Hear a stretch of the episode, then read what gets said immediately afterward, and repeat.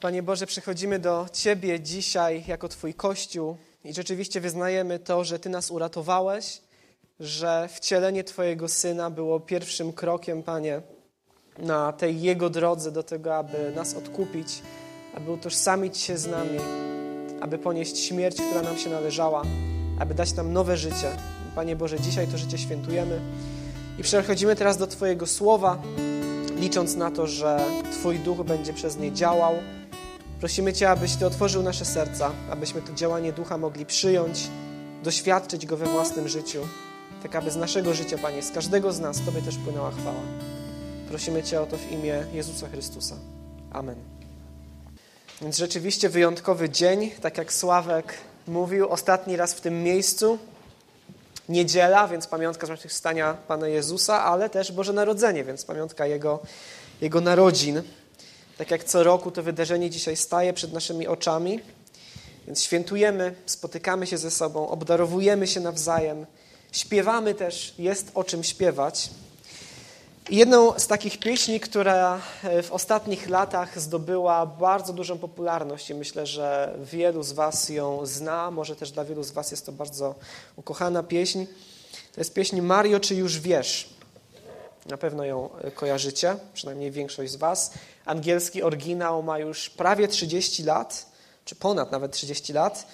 Polską wersję po raz pierwszy dla nas zaśpiewał zespół TGD, którego piosenkę też zresztą przed chwilą śpiewaliśmy w 2015 roku.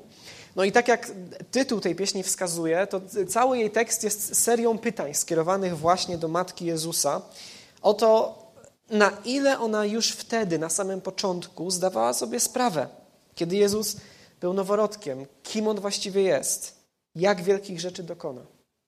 Myślę, że to jest piękny tekst. Ta seria pytań jest zaproszeniem, oczywiście dla nas przede wszystkim, do zastanowienia się i też do zachwycenia się właśnie tą tajemnicą wcielenia, którą świętujemy w Boże Narodzenie. Ale zaczynam od tej pieśni, dlatego że ona jest dla nas właśnie takim punktem wyjścia i przez fragment Bożego Słowa, który dzisiaj będziemy omawiać, w pewien sposób można powiedzieć, wybrzmią odpowiedzi na te pytania, które w tym tekście tutaj się znajdują. Bo będziemy czytać Łukasza, pierwszy rozdział, i ponieważ te pierwsze rozdziały Ewangelii Łukasza są pisane przede wszystkim, nie wyłącznie, ale przede wszystkim z perspektywy właśnie Marii, no to dowiemy się przynajmniej częściowo, co ona już wtedy wiedziała. Więc Ewangelia Łukasza, rozdział pierwszy, i podzielimy sobie ten dzisiejszy fragment na dwie części. Pierwsza część, 26 do 38 wersety, to na niej się skupimy przede wszystkim. Drugą część, 39 do 56, e, też przeczytamy, e, ale będę chciał na koniec z niej wyciągnąć taką jedną główną myśl. Większość czasu spędzimy raczej w tej pierwszej części, 26 do 38. Ale zanim ten fragment przeczytamy, to co się tutaj dzieje? Jaki jest w ogóle kontekst tych wydarzeń? Nie zaczynamy od początku Ewangelii Łukasza, tylko właśnie gdzieś tam od połowy tego pierwszego rozdziału. To na początku Ewangelii Łukasza czytamy, że ewangelista dedykuje całe to swoje dzieło niejakiemu Teofilowi, jakiemuś dostojnikowi, który poznał już wiarę chrześcijańską, ma zostać utwierdzony w przekonaniu o wiarygodności tego, co mu zostało przekazane. Więc Łukasz chce mu dokładnie wyjaśnić i jemu, i, i wszystkim innym, którzy też będą potem tę jego Ewangelię czytać, chce dokładnie wyjaśnić, jak rozpoczęło się życie Jezusa, w jakich okolicznościach on przyszedł na świat. I w związku z tym Łukasz nie zaczyna nawet od samych narodzin, to jest właściwie dopiero rozdział drugi, ale zaczyna wcześniej. Zaczyna od kapłana Zachariasza, kapłana żydowskiego, który służył w świątyni w Jerozolimie, i od jego żony Elżbiety. Obydwoje są bardzo pobożni, a jednak co dla Żydów jest trudne do połączenia, było jedno z drugim, są bezpłodni. Nie mają dzieci. To znaczy Elżbieta jest bezpłodna, oboje są w podeszłym wieku, więc szanse na dziecko już są równe zero praktycznie. Ale Łukasz opisuje, jak podczas składania ofiary w świątyni Zachariaszowi ukazuje się anioł Gabriel i zapowiada, że urodzi im się syn. I to niezwyczajny syn, ale taki, który będzie prorokiem, który będzie Bożym posłańcem, który przygotuje drogę samemu Panu, który wkrótce nadejdzie. Zachariasz powątpiewa w tę obietnicę, zostaje ukarany w związku z tym, traci mowę i słuch na kilka miesięcy. No ale Elżbieta rzeczywiście zachodzi w ciążę. Nosi dziecko, które kiedyś w przyszłości zostanie nazwane Janem Chrzcicielem. Tymczasem Bóg posyła anioła Gabriela na kolejną misję do krewnej Elżbiety, Marii. I w jej życiu Bóg dokona jeszcze większego cudu. Więc przeczytamy od wersetu 26 najpierw do 38. Natomiast w szóstym miesiącu, to chodzi o szósty miesiąc ciąży Elżbiety, w szóstym miesiącu anioł Gabriel został posłany przez Boga do galilejskiego miasta o nazwie Nazaret, do dziewicy przyrzeczonej mężowi o imieniu Józef z domu Dawida, a dziewicy tej było na imię Maria. Po wejściu do niej powiedział: Witaj, obdarzona łaską, Pan z tobą, błogosławiona jesteś między kobietami. Lecz ona przeraziła się z powodu tego słowa i zaczęła się zastanawiać, co by to przywitanie mogło znaczyć. A anioł powiedział do niej: Przestań się bać, Mario. Znalazłaś bowiem łaskę u Boga. Oto poczniesz w łonie i urodzisz syna, i nadasz mu imię Jezus. Ten będzie wielki i nazwą go synem Najwyższego. Da mu też Pan Bóg tron jego ojca Dawida i będzie królował nad domem Jakuba na wieki, a jego królestwu nie będzie końca. Wtedy Maria zapytała anioła, jak to się stanie, skoro nie znam męża? W odpowiedzi anioł powiedział do niej, Duch Święty zstąpi na ciebie i moc Najwyższego zacieni cię. Dlatego też święte, które się urodzi, będzie nazwane synem Boga.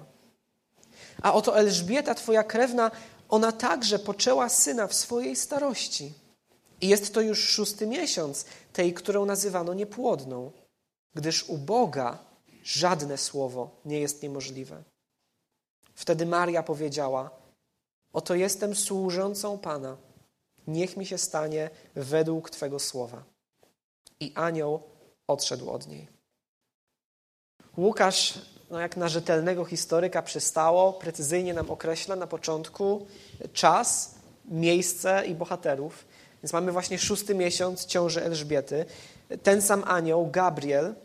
Gabriel, poza tym, że parę miesięcy wcześniej został wysłany do Zachariasza, no to Gabriela możemy znać ze starotestamentowej księgi Daniela. Tam Gabriel pełni rolę takiego niebiańskiego tłumacza. To znaczy on wyjaśnia prorokowi Danielowi wizje, które otrzymuje na temat tego, co Bóg miał uczynić w historii świata. I skoro sam Gabriel się pojawia też tutaj, zapowiada narodziny Jana i teraz też Jezusa, no to zanosi się na to, że Bóg po raz kolejny w jakiś istotny sposób wkroczy w historię świata. Więc mamy tego samego posłańca, ale tym razem zostaje wysłany do zupełnie innych okoliczności. E, Zachariasz to była Jerozolima, więc sam środek tego żydowskiego świata. Świątynia to miejsce, w którym Bóg miał mieszkać, błogosławić z niego cały swój lud. Zachariasz był starym kapłanem, a teraz Gabriel udaje się w zupełnie inne miejsce, do małego miasta w Galilei, gdzieś tam na północnych rubieżach ziemi Izraela, do Nazaretu. To są okolice niemalże półpogańskie. No nie wydaje się, żeby cokolwiek dobrego mogło pochodzić z Nazaretu. I przynosi Gabriel wiadomość nie starcowi, ale młodej dziewczynie. I w wersecie 27 Łukasz nam mówi, że Maria była dziewicą przyrzeczoną mężowi o imieniu Józef. I jest też powiedziane, że Józef pochodzi z domu Dawida. Do tego domu Dawida jeszcze za chwilkę wrócimy. Co to oznacza ten 27 werset? Że Maria była dziewicą przyrzeczoną Józefowi. No wtedy wśród Żydów małżeństwo się zawierało w dwóch etapach. Etapem pierwszym było właśnie to przyrzeczenie. I to działało troszeczkę jak nasze narzeczeństwo, albo jak nasze zaręczyny, mówiąc ściśle, ale było dużo poważniejsze. Dlatego, że obydwie strony, mężczyzna i kobieta, z udziałem rodziców i przy świadkach zawierały oficjalną umowę. I od tego momentu już ich nazywano mężem i żoną. Gdyby chcieli zerwać tę umowę, to byłby potrzebny rozwód, a nie po prostu, wiecie, zdjęcie pierścionka i usunięcie statusu na, na Facebooku. To by nie wystarczyło. Ale z drugiej strony młoda para nie mieszkała jeszcze ze sobą. Nie rozpoczynali jeszcze wspólnego życia. Nie stawali się, używając biblijnego języka, jednym ciałem. To następowało około rok później. Wtedy było wielkie wesele, mogło trwać nawet siedem dni. No i wtedy mąż przyjmował żonę do swojego domu. Więc Maria i Józef są właśnie w tym okresie przejściowym. Tak? Już miało miejsce to przyrzeczenie, te, te zaręczyny, tylko że o wiele poważniejsze, jeśli chodzi o skutki prawne. No ale jeszcze nie było tego wesela, jeszcze nie są małżeństwem w pełnym tego słowa znaczeniu. To oznacza, i to też myślę, że jest ważne, żebyśmy sobie, wiecie, potrafili jakoś wyobrazić, co się tutaj dzieje. To oznacza, że Maria ma w tym momencie kilkanaście lat. Wiekiem, który był no, powszechnym wiekiem do małżeństwa dla kobiety, do, tych, do tego przyrzeczenia czy do tych zaręczyn, w tamtej kulturze to było od 12 do 15 lat. Dla nas dzisiaj to byłoby nie do przyjęcia, natomiast troszeczkę, jeżeli chodzi o dojrzałość społeczną i tak dalej, wyglądało to wtedy inaczej. Więc Maria w tym momencie 12 do 15 lat. I Gabriel przychodzi do tej nazaretańskiej nastolatki, która ma męża już i jeszcze nie, i mówi do niej: Witaj, obdarzona łaską. Pan z tobą. Jak ona reaguje? Mi się tutaj narzuca odpowiedź i z duchem Twoim, ale to nie jest to, co odpowiada Maria. Maria reaguje zupełnie naturalnie. Jest przerażona. Aniołowie w Biblii się ukazywali na wiele różnych sposobów. Czasami przybierali po prostu postać mężczyzn, zwykłych ludzi. Czasami ich twarze jaśniały nieziemskim blaskiem. Tak naprawdę jedno i drugie chyba by wystarczyło, żeby Marię przestraszyć. Ale co ciekawe, Łukasz nam mówi, że tym, co tak dokładnie Marię przeraziło, co wzbudziło w niej niepokój, były słowa anioła. To była treść tego przywitania. Witaj obdarzona łaską. Pan jest z tobą. Co to by miało znaczyć? Czyżby on mnie z kimś pomylił? Co on do mnie mówi? Ale on odpowiada: Przestań się bać, Mario, znalazłaś bowiem łaskę u Boga. Ciekawe to są słowa. Anioł mówi: Tak chodzi o ciebie, Mario, a ten zwrot znaleźć łaskę u Boga, on się przewija w Starym Testamencie w wielu różnych sytuacjach, kiedy Bóg w swojej łasce wybiera kogoś, żeby przez tę osobę dokonać czegoś niezwykłego. Na przykład tak jak w Księdze Rodzaju, my teraz na naszej grupie domowej przerabiamy Księgę Rodzaju, więc to jest przykład mi bliski. Czytamy o tym, że cała ziemia jest zepsuta, że Bóg postanawia zesłać potop na ziemię, ale Noe znalazł łaskę w oczach Jahwe. Więc przez Noego Bóg dokona jakichś niezwykłych rzeczy i to jest tylko i wyłącznie wynik jego niezasłużonej życzliwości. Noe zostanie ocalony. Będzie początkiem nowej ludzkości. Więc kiedy Gabriel przychodzi do Marii i mówi: Przestań się bać, znalazłaś łaskę u Boga, to znaczy Bóg ma wobec ciebie wielkie plany. No i anioł tłumaczy: Oto poczniesz w łonie i urodzisz syna i nadasz mu imię Jezus. No i znowu musimy spojrzeć na całą historię opisaną w Starym Testamencie. Bóg wielokrotnie w Biblii daje dzieci tym, którzy no z ludzkiego punktu widzenia, z przyczyn naturalnych, ich mieć nie mogą. I tak naprawdę to jest niemalże Boża wizytówka w Starym Testamencie. Bóg zdaje się, że szczególnie lubi ukazywać swoją moc w taki właśnie sposób. Daje błogosławieństwo dzieci, które przełamuje przekleństwo bezdzietności, no i umożliwia też to, że następnie w kolejnych pokoleniach będą się realizowały kolejne Boże obietnice. Widzimy to najpierw w życiu Sary na początku Biblii, żony Abrahama, potem w życiu Rebeki, Racheli, potem w życiu Anny, matki Samuela, wielu innych. Bóg działa w taki sposób. Daje błogosławieństwo dzieci tam, gdzie po ludzku po prostu nie było na co liczyć. Na początku Ewangelii Łukasza do tego grona błogosławionych, uszczęśliwionych dołącza Elżbieta. Teraz do niego dołączy Maria. Ale tym razem okazuje się, to będzie coś dużo, dużo większego niż kiedykolwiek wcześniej. Więc anioł kontynuuje. Twój syn Jezus będzie wielki. I więcej, nie będzie tylko jednym z wielkich, ale będzie samym synem Najwyższego.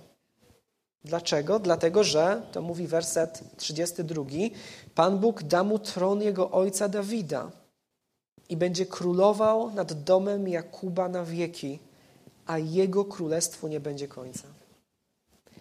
Więc Maria, nastolatka z tego zabitego dechami Nazaretu, urodzi Mesjasza. To jest to przesłanie. Więc to przez nią okazuje się, przez zwyczajną dziewczynę, przyjdzie na świat ucieleśnienie wszystkich nadziei Izraela, wszystkich oczekiwań, wszystkich tęsknot, odpowiedź na wołanie, które Żydzi zanosili do Boga każdego dnia. Jak długo jeszcze, Panie? Jak długo jeszcze będziesz zwlekał z wypełnieniem swoich obietnic? Bo my mieliśmy kiedyś królów, mogli wołać Żydzi. Pierwszy Saul okazał się Tobie niewierny. Więc dałeś nam władcę, który podobał się Tobie, tego dzielnego Dawida, i on dokonał tak wiele. On dla nas zdobył to wspaniałe miasto, Jerozolimę, i on też chciał wybudować w niej Tobie świątynię. Ale Ty mu zapowiedziałeś, że nie on ją zbuduje, ale jego potomek. Druga księga Samuela, siódmy rozdział, wersety 12-13. Myślę, że jeden z najważniejszych fragmentów Starego Testamentu. To Bóg mówi do Dawida: Gdy dopełnią się Twoje dni i zaśniesz ze swoimi ojcami, wzbudzę po Tobie Twojego potomka, kogoś, kto wyjdzie z Twojego wnętrza i utrwale Jego królestwo. On zbuduje dom mojemu imieniu i utrwale tron Jego królestwa na wieki. Ja będę mu ojcem, a on będzie mi synem. I co się okazuje, Żydzi patrzą znowuż wstecz na historię swojego narodu i mówią: No tak, po Dawidzie przyszedł mądry Salomon. On zbudował świątynię, ale nie okazał się doskonały. Po jego śmierci królestwo się rozpadło na pół, i po nim przychodzili różni władcy, paru lepszych, cała zgraja gorszych, i naród odchodzi od Boga coraz dalej i dalej, aż przelała się czara Bożego gniewu i poszliśmy do niewoli a Boża świątynia legła w gruzach. Ale Boży prorocy twierdzili, że ta obietnica jest wciąż aktualna, że, że w końcu przyjdzie ten obiecany, ten namaszczony, ten Mesjasz, który utrwali królestwo, który ukaże nam w pełni, co to znaczy być Bożym ludem.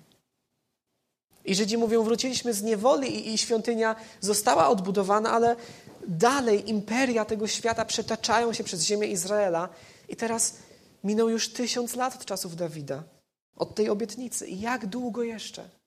Jak długo jeszcze będziesz zwlekał? Cierpią pod panowaniem Rzymian i wołają do Boga o ratunek. I w tym miejscu Gabriel ogłasza Marii słowo od Boga: Nie będę zwlekał ani chwili dłużej, bo to Ty urodzisz Mesjasza.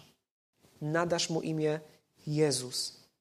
I on nie tylko zbuduje wieczne królestwo, ale też sam będzie nad nim panował bez końca.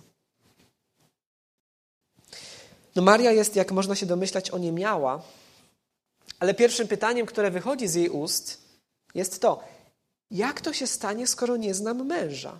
To znowu taki, wiecie, semicki, żydowski sposób wyrażania się. Nie znam, czyli nie współżyłam jeszcze z mężem. Przypomnijmy, to jest ten roczny okres przejściowy, tak? On już jest jakoś prawnie jej mężem, ale nie stanowią jeszcze rodziny, małżeństwa, jednego ciała.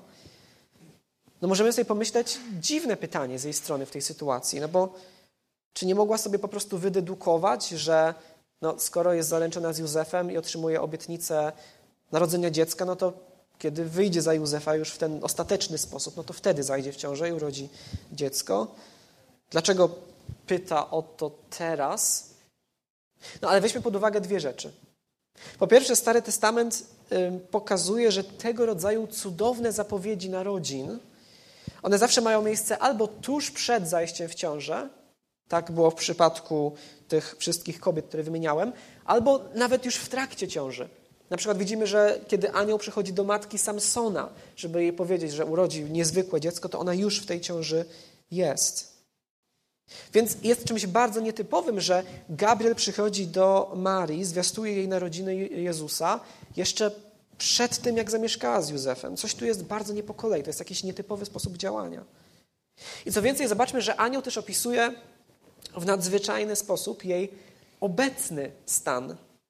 Mówi, obdarzona łaską. Pan jest z tobą. Znalazłaś łaskę u Boga. I te słowa, przypomnijmy, one nie mówią o tym, że Bóg bardzo ją lubi po prostu, ale o tym, że wybrał ją, aby przez nią dokonać czegoś niezwykłego. I to się dzieje już tu i teraz. Tak by sugerował ten język, którego anioł używa. Więc te dwie kwestie mogły zasugerować Marii rzeczywiście, że według słów anioła zajdzie w ciąży lada chwila. No, a Józef cały czas pozostaje gdzieś tam na dalszym planie, więc ona mówi, jak to jest możliwe, jak to się ma wydarzyć? No i ta jej intuicja była trafna i Gabriel odpowiada. Duch Święty zstąpi na ciebie i moc Najwyższego zacieni cię. Dlatego też święte, które się urodzi, będzie nazwane synem Boga. Więc tak jak Duch Boży na początku unosi się, na samym początku Biblii, nad tą bezkształtną ziemią, i dopiero za chwilę wszystko ma być stworzone i uporządkowane, tak samo teraz ten sam Duch zainicjuje nowe stworzenie. I tak jak Boża chwała w Starym Testamencie okrywała ludzi, którym Bóg się objawiał bezpośrednio, i jak ocieniała przybytek, w którym Bóg mieszkał, tak teraz On zacieni Marię i w jej łonie zamieszka Boży Syn. Dziewica pocznie i porodzi syna, tak jak zapowiadał Izajasz przed wieloma wiekami.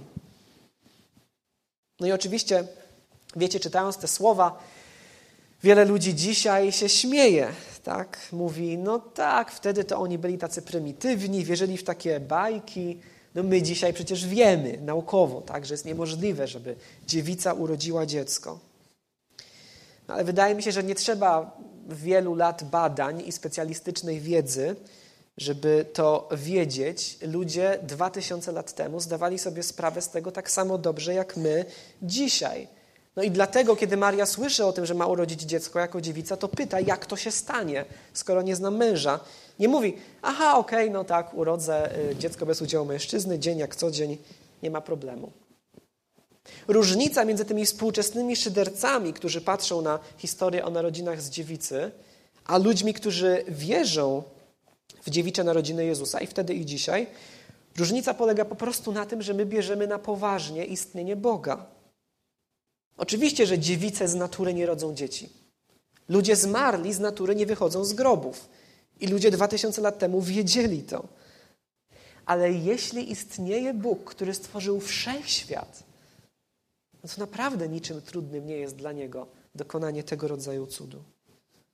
To u Niego nic nie jest niemożliwe. Tak jak Gabriel mówi o tym w wersecie 37. Więc Mesjasz ma się urodzić z dziewicy. Dlatego, mówi anioł, będzie nazwany świętym Synem Bożym. Nie ma ludzkiego ojca. To wyraźnie wskazuje na to, że jego ojcem jest sam Bóg. I co więcej, te dziewicze narodziny Jezusa też są pewnego rodzaju restartem historii ludzkości. To jest bardzo ważne. Czasem się zastanawiamy, dlaczego właściwie Jezus musiał się z dziewicy urodzić. No dlatego, że wszyscy ludzie, którzy kiedykolwiek się urodzili, łącznie ze wszystkimi upadającymi królami Izraela, o których mówiłem chwilę wcześniej, wszyscy ludzie pochodzą od Adama, pierwszego człowieka, który zbuntował się przeciwko Bogu. I my wszyscy w jego buncie bierzemy udział, rodzimy się jako ludzie grzeszni. Ale tak jak Adam nie miał ludzkiego ojca, tylko został stworzony przez Boga, tak samo Chrystus rodzi się jako nowy Adam. Jest wolny od winy tego pierwszego. Jest nieskalany. Od niego się może zacząć ludzkość 2.0.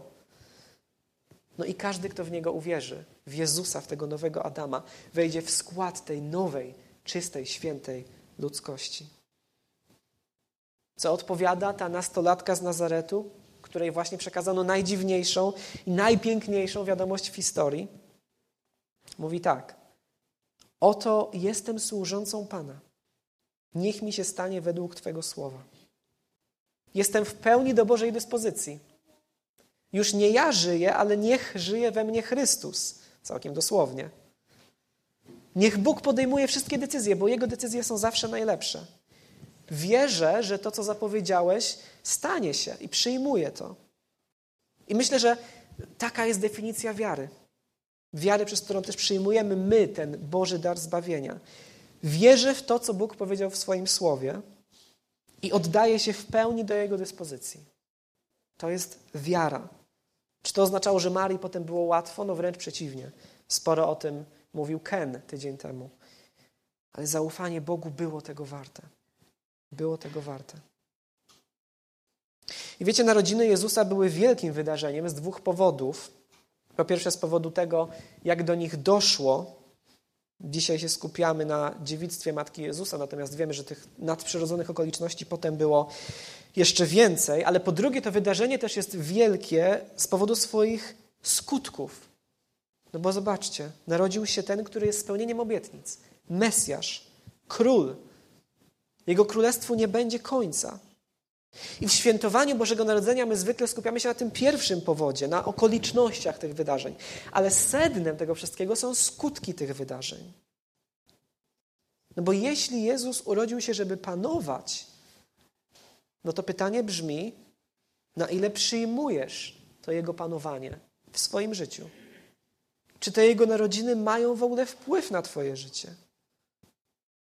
I to są pytania o tyle ważne, że Adwent i Boże Narodzenie w tradycji takiej ogólnochrześcijańskiej, one nas oczywiście odsyłają do pierwszego przyjścia Jezusa, ale także kierują wzrok ku przyszłości, kiedy On przyjdzie po raz drugi, żeby zaprowadzić swoje królestwo w pełni. I to nie jest, wiecie, albo albo, to jest też ważne. Czasem trafiam na takie komentarze chrześcijan w okolicach świąt, że no, świat to śpiewa o dzieciątku w żłobie, no ale ja czekam na potężnego króla. Oni tam sobie mówią, Jezus malusieńki, ja czekam na władcę. No ale przecież możemy świętować przeszłe wydarzenia, przez które Bóg nam przyniósł ratunek, oraz jednocześnie patrzeć z nadzieją w przód, patrząc na kulminację tych wydarzeń. To, to, to nie są rzeczy sprzeczne. Na przykład, przecież dokładnie w taki sposób jest ukazana w Biblii między innymi Wieczerza Pańska. Ona jest pamiątką śmierci Jezusa, patrzymy w przeszłość, ale także jest jakąś symboliczną zapowiedzią tej wielkiej uczty na koniec czasów. Jest w niej i wspomnienie, i nadzieja. I dlatego Paweł na przykład mówi: Ilekroć ten chleb jecie, z kielicha tego pijecie, śmierć Pana ogłaszacie, to jest przeszłość, aż do jego przyjścia, to jest przyszłość. No i myślę, że tak samo powinno być z Bożym Narodzeniem. Patrzymy wstecz, śpiewamy o tym, że Bóg się rodzi, no a jednocześnie to jest dla nas żywe przypomnienie, że ten Mesjasz, który raz już przyszedł na świat, powróci. Dwa tysiące lat temu przyniósł swoje królestwo. Ono teraz nieprzerwanie się rozwija w historii świata, rośnie, ale swoją pełnię ono osiągnie, kiedy Jezus zstąpi z nieba na koniec czasów. Już nie jako małe dziecko, ale owszem, jako potężny władca który osądzi swoich nieprzyjaciół, a nam da pełnię owoców tego ratunku, który nam przyniósł. Więc powrót Jezusa przyniesie pełnię Jego Królestwa. Czy czekasz na Niego? Czy to czekanie ma wpływ na Twoje życie? No bo zastanówmy się przez chwilę, jaki sens ma świętowanie z wielką pompą Jego pierwszego przyjścia, Jego narodzin, narodzin króla, jeżeli wcale ci nie zależy na tym, żeby przyszedł po raz drugi i zakrólował w pełni. No to tak jakbyśmy urządzali wielką imprezę urodzinową i gorąco liczyli na to, że solenizant w ogóle się na niej nie pojawi. To to byłoby mniej więcej coś takiego. Więc czy czekasz na jego ostateczne przyjście? O Gabriel tymczasem odchodzi od Marii, a ona na wieść o tym szczęściu swojej krewnej, która jest w podeszłym wieku, a jednak zaszła w ciążę, pośpiesznie się wybiera do Judei, żeby ją odwiedzić, żeby odwiedzić Elżbietę, żeby razem to szczęście przeżywać. I my też ten tekst przeczytamy i go pośpiesznie omówimy, tak jak na początku zapowiadałem. Jedną główną myśl będę chciał z niego wyciągnąć. Więc od wersetu 39. W tych dniach Maria wstała i pośpiesznie wybrała się w górskie strony, do pewnego miasta w Judei. I weszła do domu Zachariasza i pozdrowiła Elżbietę. A gdy Elżbieta usłyszała przywitanie Marii, podskoczył płód w jej łonie i Elżbieta została napełniona Duchem Świętym. Wówczas zawołała donośnym głosem i powiedziała: Błogosławiona jesteś między kobietami i błogosławiony owoc Twojego łona. I skąd mi to, że matka mojego Pana przyszła do mnie? Bo oto, gdy głos Twojego pozdrowienia dotarł do moich uszu, płód w moim łonie podskoczył z radości. Szczęśliwa też ta, która uwierzyła, że nastąpi wypełnienie słów wypowiedzianych do niej przez Pana. Wtedy Maria powiedziała: Moja dusza wywyższa Pana i mój duch rozradował się z powodu Boga, mojego wybawcy, gdyż wejrzał na pokorę swojej służącej. Gdyż odtąd wszystkie pokolenia będą uważać mnie za szczęśliwą, ponieważ potężny uczynił mi wielkie rzeczy. Święte jest Jego imię, a Jego miłosierdzie na pokolenia i pokolenia dla tych, którzy się Go boją. Okazał moc swoim ramieniem, rozproszył szczycących się zamysłami swoich serc. Władców zrzucił stronów, a pokornych wywyższył. Głodnych nasycił dobrami, a bogatych odprawił z niczym. Ujął się za swoim sługą Izraelem. Wspomniał na miłosierdzie, jak powiedział naszym ojcom, Abrahamowi i jego nasieniu na wieki. Maria zaś pozostała z nią około trzech miesięcy, po czym wróciła do swojego domu.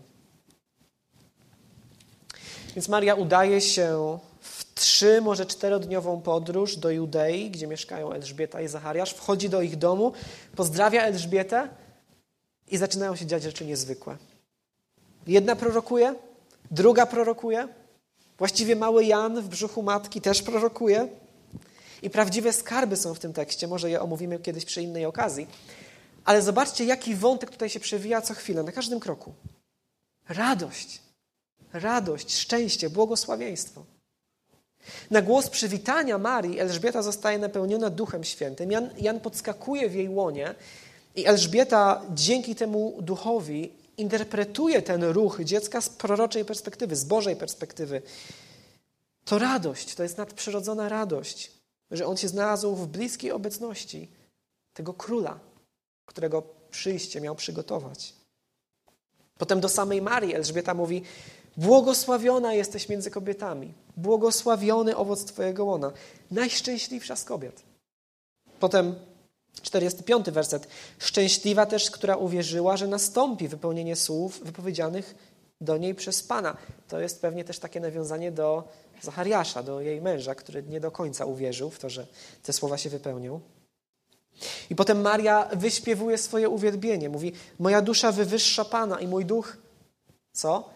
Rozradował się z powodu Boga mojego wybawcy. I dalej mówi, gdyż odtąd wszystkie pokolenia uważać mnie będą za szczęśliwą. Tak radosne jest to, co się tutaj dzieje. Bo dlatego też Boże Narodzenie jest świętem radości. Ale chciałbym powiedzieć coś, zwrócić uwagę na coś w tym tekście, co myślę, że jest bardzo, bardzo ważne.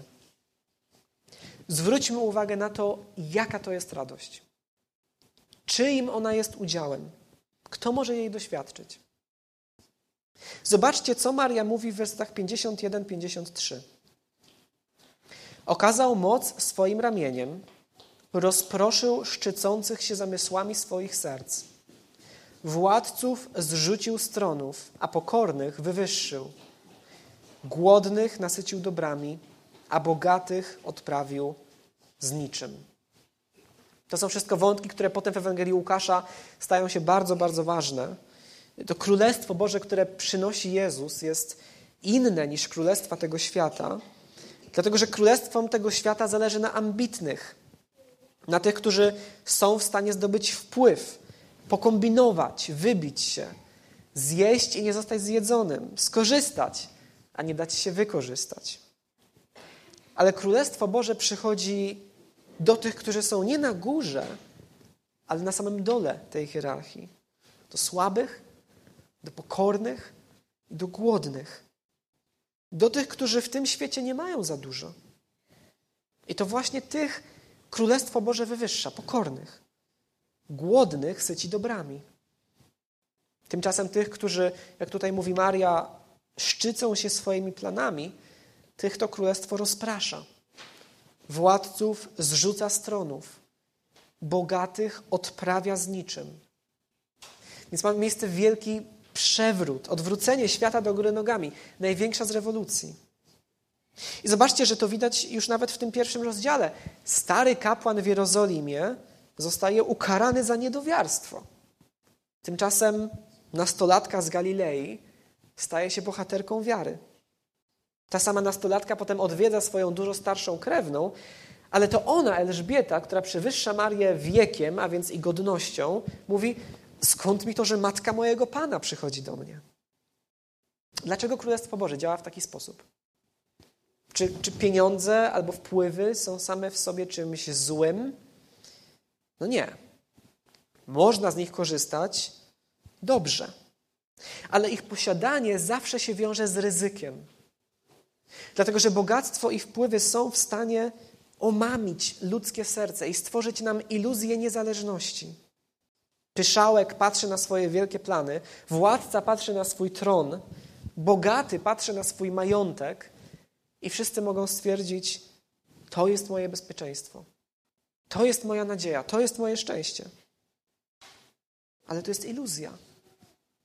Każdą z tych rzeczy możemy utracić na, na sto różnych sposobów. Żadnej z nich nie zabierzesz do grobu ostatecznie.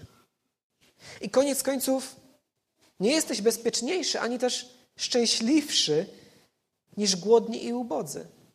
Wszyscy utracą to, co mają.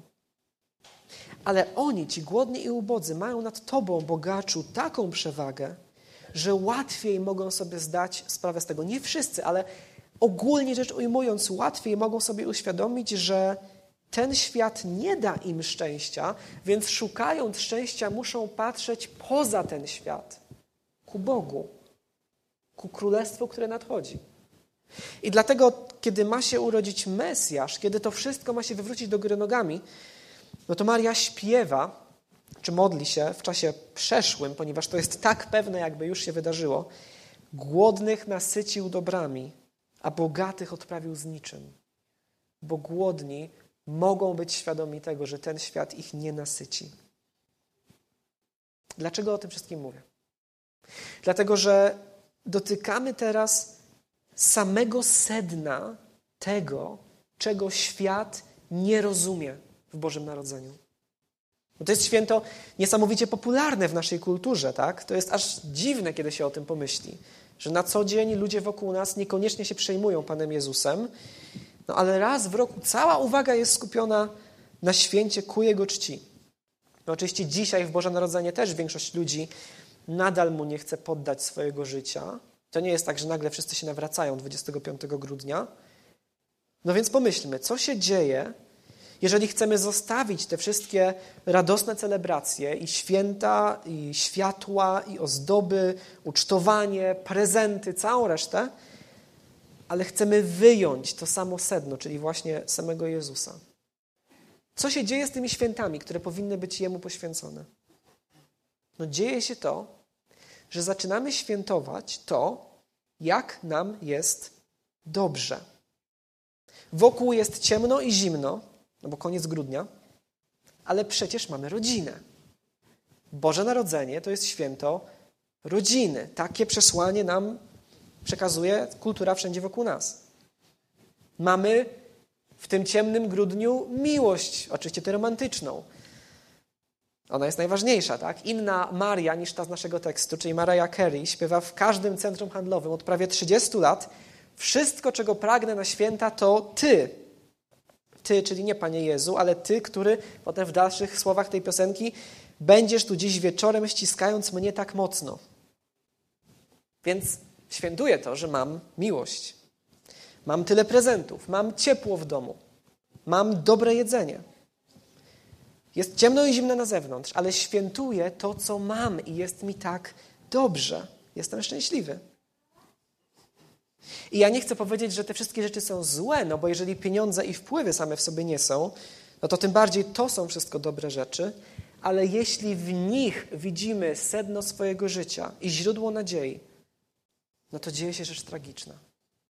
No bo jeśli patrzymy na te wszystkie rzeczy i mówimy, taki jestem szczęśliwy, tyle mam, chcę to świętować, no to po co nam w tym wszystkim ten, którego narodziny teoretycznie świętujemy? Ale na co wskazuje Boże Narodzenie tak naprawdę? Na to, że żaden z tych pięknych Bożych darów, ani rodzina, ani miłość romantyczna, ani pyszne jedzenie. Żaden z nich nie może być w centrum naszego życia. No bo żaden nie udźwignie takiego ciężaru, nie jest w stanie. Ale kiedy patrzysz na te rzeczy, może zwłaszcza wtedy, kiedy ci ich brakuje, to wtedy to możesz zobaczyć wyraźnie. Kiedy patrzysz na te rzeczy i zdajesz sobie sprawę, że, że to szczęście, do którego zostałeś stworzony, ono musi się znajdować gdzieś indziej, że musi być coś więcej, że, że te wszystkie radości tego świata są płytkie po prostu, jeżeli nie są zakorzenione w czymś wiecznym. Jeżeli z tego sobie zdasz sprawę, no to możesz rzeczywiście przyjąć to, co się narodziło z dziewicy dwa tysiące lat temu. Więc, żeby Chrystus Ciebie nasycił dobrami, Ty musisz w tym świecie poczuć głód, że nic Cię nie zaspokaja, potrzebujesz czegoś więcej. Żeby On Cię wywyższył, Ty się musisz uniżyć i powiedzieć: W tym świecie ja ostatecznie nie chcę być kimś ważnym, to nie jest mój cel. Jeżeli będę kimś ważnym, to wykorzystam to na Bożą chwałę, ale to nie jest pragnienie mojego serca. Musisz doświadczyć w sercu braku satysfakcji z powodu tego, jaki jest ten świat. I o to chodzi w Bożym Narodzeniu. Nie o to, że świętujemy to, że już mamy w tym świecie wszystko, co nam do szczęścia potrzebne. Jak to jest wszystko możliwe? Jak to się dzieje, że ten Mesjasz narodzony z dziewicy niesie nam ratunek, karmi nas, podnosi, skoro my wszyscy, tak jak powiedziałem przedtem, bierzemy udział w tym buncie Adama? No to wszystko może się stać. Ta wielka rewolucja, ten przewrót, bogatych odprawił z niczym, głodnych nakarmił, to może mieć miejsce, ponieważ On, Chrystus, stał się głodny i ubogi dla nas. Nie narodził się w pałacu, narodził się w stajni. Wziął na siebie to, na co my zasługiwaliśmy, żeby nam dać to, na co zasłużył On. No i to jest to sedno wielkiego przewrotu. Przychodząc na ziemię, wiedział, że skończy na krzyżu. Niewinny, zabity za winnych i przyszedł mimo to. I teraz w Boże Narodzenie, ale w każdy dzień w roku także, jeżeli słyszysz o Nim, narodzonym z dziewicy, umęczonym na krzyżu, zabitym, ale zmartwychwstałym i przychodzącym po raz drugi na koniec świata. I jeżeli wraz z Jego matką będziesz w stanie powiedzieć do Niego, oto jestem Twoim sługą, niech mi się stanie według Twojego słowa. Jeżeli taką wiarą Go przyjmiesz, to On Cię uratuje. On Cię wywyższy. I On Ciebie nasyci dobrami, które nie przeminą. W kontraście do wszystkiego, co możemy świętować w tym świecie. Pochylmy głowy do modlitwy.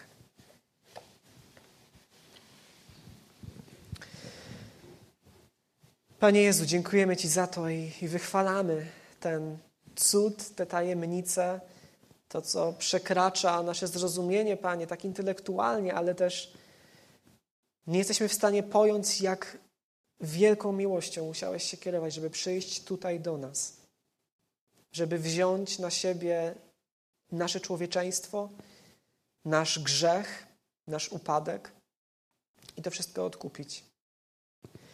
I Panie, patrzymy na Ciebie i zachwycamy się tym cudem wcielenia, wiedząc, że wszystko, Panie, wziąłeś na siebie, aby to wszystko uzdrowić. Że gdybyś Ty nie był prawdziwie jednym z nas, Ty nie mógłbyś nas odkupić, ale ponieważ Ty utożsamiłeś się z nami w pełni, to Ty też, Panie, mogłeś stać się dla nas ofiarą, arcykapłanem, świątynią i królem. I Panie Boże, dzisiaj, bo rzeczywiście wyznajemy w Tobie, w człowieku, Jezusie Chrystusie, Boga prawdziwego. Dzisiaj chcemy zawołać do Ciebie, abyś Ty był też królem w naszym własnym życiu. Zarówno, Panie, w każdą niedzielę i w każde święta, ale tak samo każdego codziennego dnia.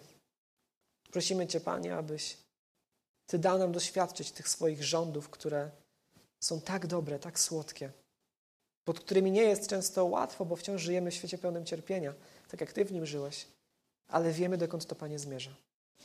Więc wołamy do Ciebie. Pozwól nam doświadczyć Twojego panowania i wszystkiego, co się z nim wiąże. Prosimy Cię, Panie, abyś odciągnął nasz wzrok od tego, co nam obiecuje ten świat. Abyśmy nie przyjęli tej, tej iluzji, że nasze bezpieczeństwo, nasze szczęście jest tu i teraz Abyśmy dogłębnie sobie, Panie, zdali sprawę z tego, że to wszystko, co nas otacza, przemija. Aż niech nas to, Panie, zaboli. Ale niech ten ból nas skłoni do szukania ukojenia w Tobie, tam, gdzie możemy je znaleźć. Prosimy Cię, Panie, też, abyś użył tych świąt, aby Twoja Ewangelia przez nas docierała do tych, którzy jeszcze jej nie przyjęli. Abyś Ty, Panie, w tym szczególnym czasie otwierał serca i zmieniał je, tak jak tylko Ty potrafisz. Niech Tobie, Panie, płynie chwała za ten cud wcielenia, bez którego naszego zbawienia by nie było. Modlimy się w imię Jezusa Chrystusa. Amen.